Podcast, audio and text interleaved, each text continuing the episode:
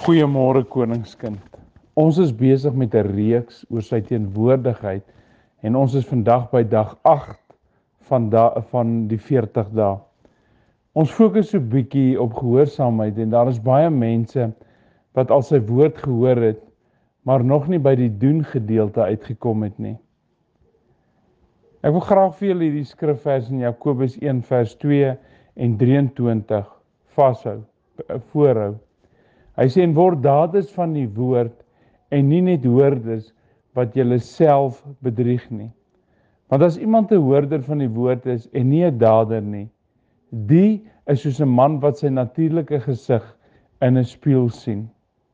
Jy is nog nie gehoorsaam as jy net luister nie, maar jy bewys jou gehoorsaamheid deur te doen. As jy anders glo, is jy besig om jouself te mislei. En iemand het eendag gesê deception veils the heart and obstructs the truth. The more a person disobeys, the thicker and more obstructive the veil becomes, making it harder to remove. As jy kyk byvoorbeeld in in sy woord, dan kyk ons na Saul. Nou Saul het gedoen wat hy moes, maar hy het later sy eie behoeftes vervul in sy ongehoorsaamheid. God se hart was nie sy fokus nie en hy het probeer om sy posisie by die mense te verbeter. Weereens het die vrees van God in sy lewe ontbreek. Baie mense sal die woord lees, luister en selfs preek en tog leef hulle asof hulle sy woord nie ken nie. Die volgende skrif bevestig dit. Because they do not change, therefore they do not fear God. Daar is baie mense wat getuig dat hulle gered is. Hulle bly egter onveranderd. Hulle vrug getuig gewoonlik van onheiligheid, ondankbaarheid, liefdeloosheid, ongehoorsaamheid en dan vergeef hulle ook ook nie maklik nie.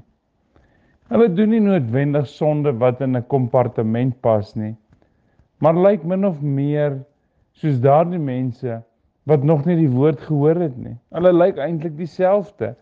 Daar's eintlik geen verskil nie. Paulus beskryf hulle as persone wat aanhoudend leer, maar nooit toepas wat hulle leer nie. Ek nooi jou uit om anders te wees. Wees ook 'n dader van die woord. Kom ons bid saam.